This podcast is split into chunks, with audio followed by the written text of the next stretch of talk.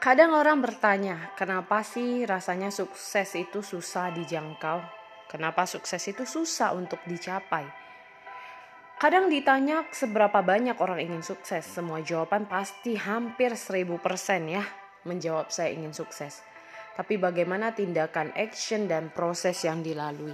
Apakah hanya dengan ucapan maka sukses itu akan datang dan membuat kita berhasil?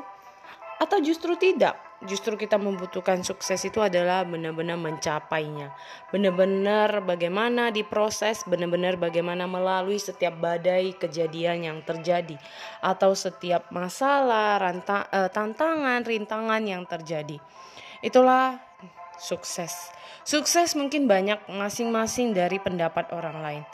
Sukses dari segi mungkin orang yang benar-benar mungkin mengalami jatuh bangun sehingga membuat mereka merasa di saat mereka mencapai kesuksesan mereka mengatakan sukses itu bukan seinstan memasak sebuah indomie. Atau mungkin bagi sebagian orang karena mungkin dia dari muda sudah berjuang dan dia bisa sukses maka dia mengatakan bahwa sukses itu adalah di saat kita bisa menggapai segala sesuatu di usia muda dan sebagainya. Jadi masing-masing persepsi orang tentang sukses itu ada dan bukan salah namun bagaimana dalam kehidupan kita?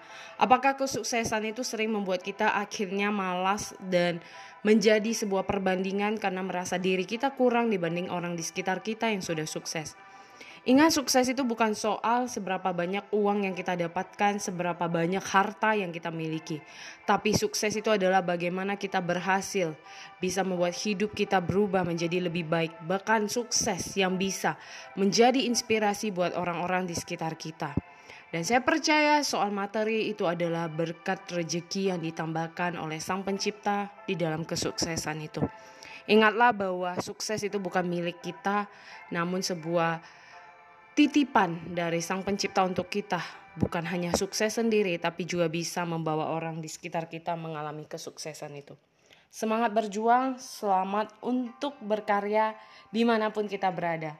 Bukan tunggu kita sukses, kita berhasil baru kita menginspirasi atau kita berkarya, tapi berkarya dari hal-hal kecil yang membuat hidup kita berubah menjadi luar biasa. Semangat dan salam sukses untuk kita semua.